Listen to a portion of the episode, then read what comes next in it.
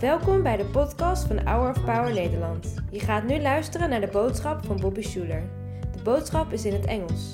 Liever met Nederlandse ondertiteling erbij? Bekijk dan de uitzending op hourofpower.nl of op ons YouTube kanaal.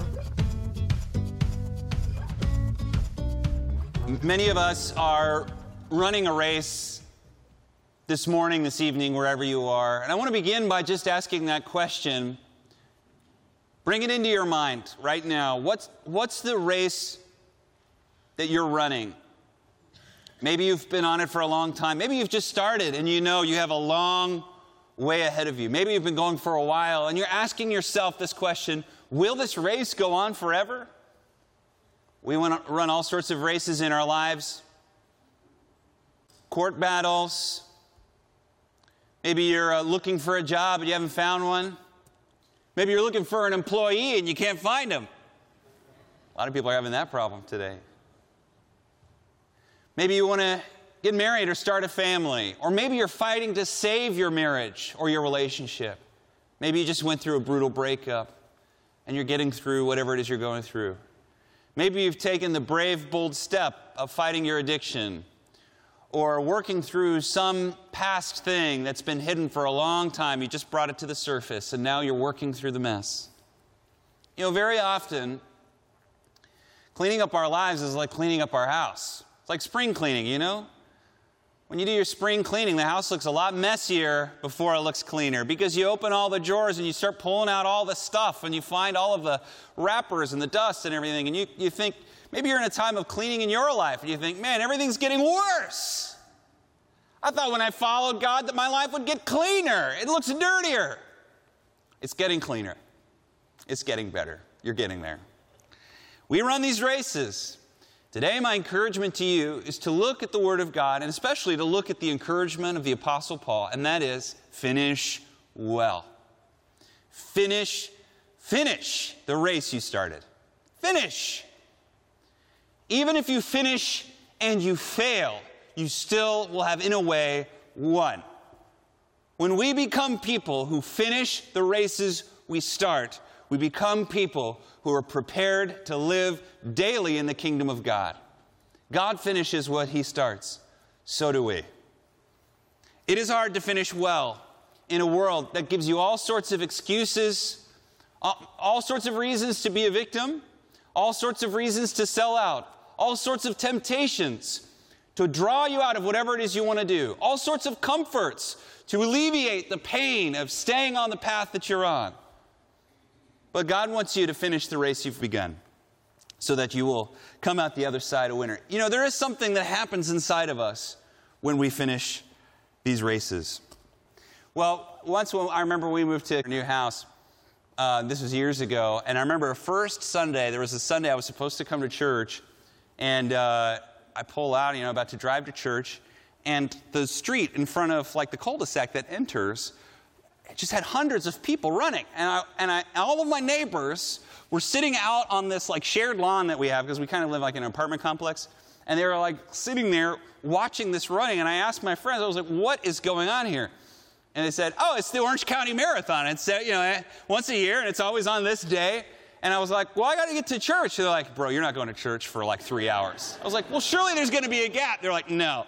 This is like a river of people that's going to go for a long time. But it's interesting how, how marathons have become so popular all over the world. To me, I'm like, who would want to run a marathon? Ugh. Uh, basket, I played basketball and hockey and other things, but I'm like, just running? You just run for a long time? And then I started getting fat, and I started running. And I was like, I'm going to lose this weight by running. And then I got it. I was like, running. Yeah, running. Running is fun. And it's not fun, but it's, there's something about the, the, when you run, how hard it is on your body and yet how good it is for your body. So it's like mentally, you know you're doing good to your body, even though your body's like, why? Why are you doing this? And so it's like a type of meditation almost. It's like a type of training when you run. And it's not a new art. People did it, not the marathon, but people did like a long run in the Olympics and the other games as well. And there's some things you learn from running, and there's some, some things you learn from the marathon. So, one of the first things you, I've never run a marathon, but, but when you talk to people, when you look at the marathons, one of the first things you notice that makes a marathon different than any other sport is that 99.9% of the people who are running a, a marathon know they're going to lose.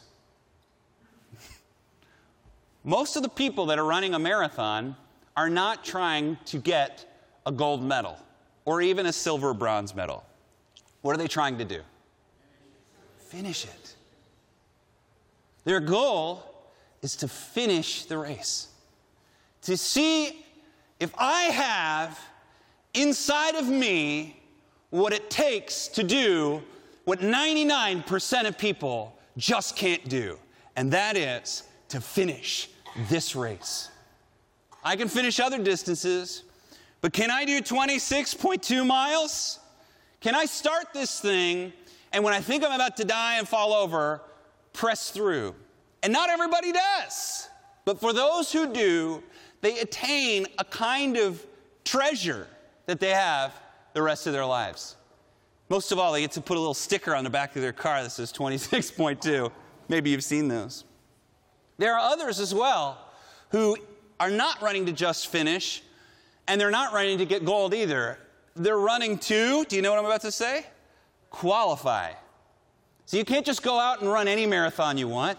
You have to run the marathons nobody cares about first to run the really awesome marathons that everybody cares about, like Boston. You can't just go to the Boston Marathon and sign up. You have to run a marathon in a certain amount of time, and that qualifies you to run the big race. This is a spiritual principle, my friends. Very often, the little races we run, we don't realize that we are attempting to qualify for a bigger thing. You might think that the little race that you're running now, that is so taxing, seems to have zero reward at all. It might be the, the race that qualifies you or disqualifies you for what you're supposed to do next. Did God not say that we who are faithful in the little will be faithful with much? Did He not promise us that if we were faithful in the little things, He would entrust us with much? But if you cannot be entrusted with the little things that God gives you, how can God entrust you with the big things? So, to us who run our races, we say, finish well. Finish whatever race has been given to you, even if it seems that it has no reward at all finish because that alone is a reward and builds something inside of a person that he or she will never lose. When you run a marathon, you fight for yourself. Every other game, you're fighting someone else or you're fighting for your team. But it's one of the few games out there where you really are fighting against and for yourself. So don't give up. Finish the race and finish well. Be faithful in the little things and God will bless you in the big things.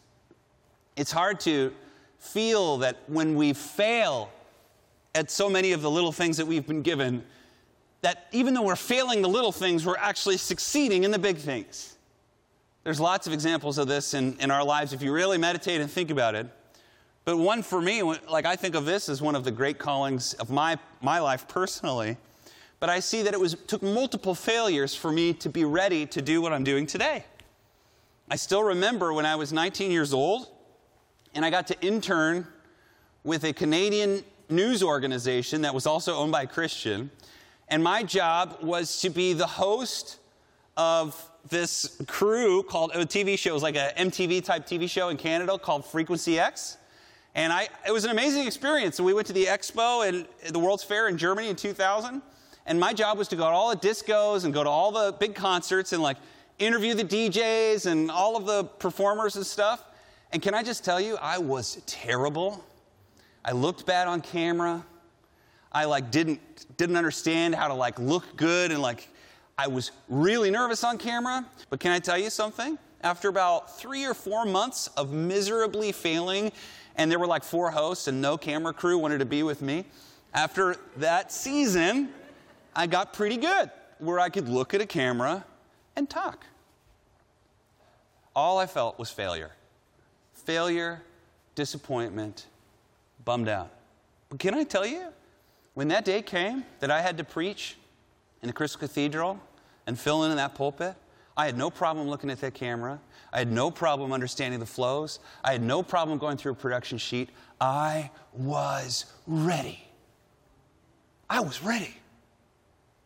Because even though I failed in those other things, I finished the race I started. And I kept going. I didn't look back and say, oh, what a failure. I just, I'm never. I didn't realize that even in the failure, I was training for this. Young people today, I was young then, young people today are so disheartened when they face failure, but they don't understand that so often God's preparing them for the next thing. The next thing. Isn't it great? Maybe you're going through a tough time, you just took a horrible failure, you don't understand how it could be a good thing. Just finish and finish well. That's a victory. Finish well. Maybe you're qualifying and you don't even know it. Paul writes in 2 Timothy, he's writing to, uh, Paul is writing to the church in Ephesus when he writes to Timothy. Timothy is the pastor he put in place there, a young man originally, probably a middle aged man now, as he's writing to him, a dear friend and a brother in the Lord. And Paul is in prison. He's probably about to be executed. We know 2 Timothy is the last epistle Paul ever wrote. And he has this famous line where he compares himself to what we would think of as a marathon runner says he's being poured out like a drink offering, which probably means he's bleeding a lot, that he's already becoming, like Christ, someone who had to lay down his life for the kingdom of God. And in verse 7, he says, I have fought the good fight. Do you want to say this when you get to the end of your life? I know I do. I have fought the good fight. I have finished the race. I have kept the faith. Now there is in store for me the crown of righteousness which the Lord, the righteous judge, will award to me on that day. And not only to me, but also to all who have longed for his appearing. The crown he's talking about is the crown you receive when you finish a race. So, for those who won the great races of their day, the Isthmian Games, is, Isthmian, races, you say Isthmian, it's hard, and the Olympic races would receive these crowns, huh? They are, uh, this one's olive branches, I believe, and that's like a wreath. It's very much like a Christmas wreath. And so if you win, they place this on your head. So what is it? It's worth nothing, right? It has no actual value. These are worthless branches, and yet it's everything to the people who win them. It's a symbol that they're the winner. It's a symbol that they finished. It's a symbol that they did what they were called to do. See, this is what Paul is, is running for. He's not running to put a crown on his head like a king's crown. He's wanting, he's wanting the gold medal. He's wanting, he's wanting to win a spiritual race that the world doesn't see. He knows that if he finishes this race, that, that, that having Christ place this on his head will be one of the greatest triumphs and feelings in the whole world. That's what he wants. That's what he wants more than anything. Okay, five very quick things. Um, so you're running a marathon. Here are some things that will help you finish your race, okay? Number one, it is so important when you're running a race, fighting a battle, going through a thing that takes a long time, to have a why. To have a why, a reason, a good reason why you're doing it. Most of us do have a reason, but instead of focusing on the reason why we're running the race, we're focusing on the pain. We're focusing on the injustice. We're focusing on the trial, the difficulties. Focus on why you're running, and that will keep you going. I remember when we started, my why was achieved well before I stepped into this pulpit. I went with the choir to the Netherlands. Hannah and I were newlyweds. The two of us went, and I didn't really care much for the hour of power. I didn't really think about it that much, just thought it was another church. And when we were there, we just heard story after story of life change, of complete and total life change.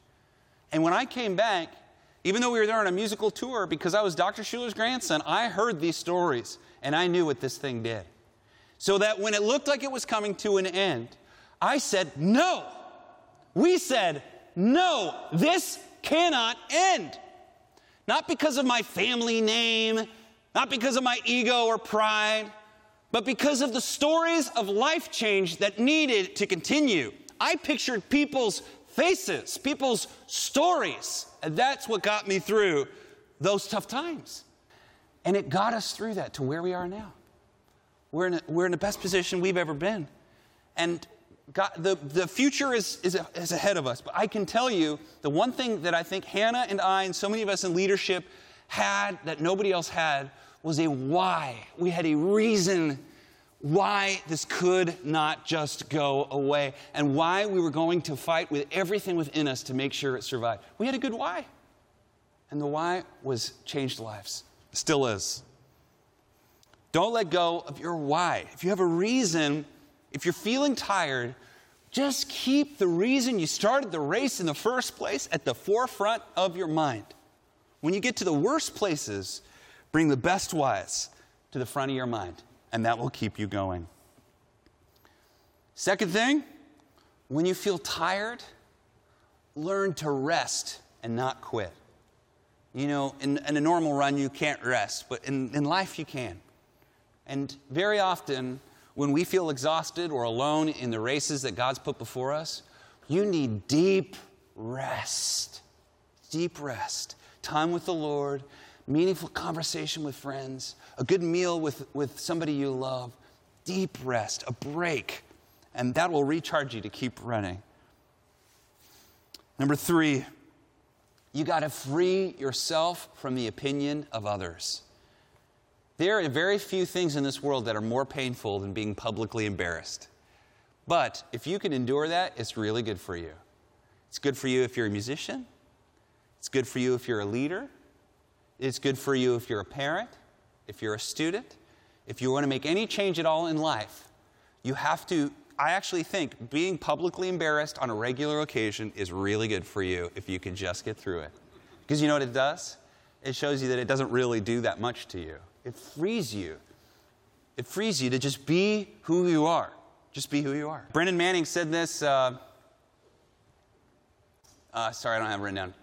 Brennan Manning said, Real freedom is freedom from the opinions of others, but above all, it's freedom from opinions about yourself.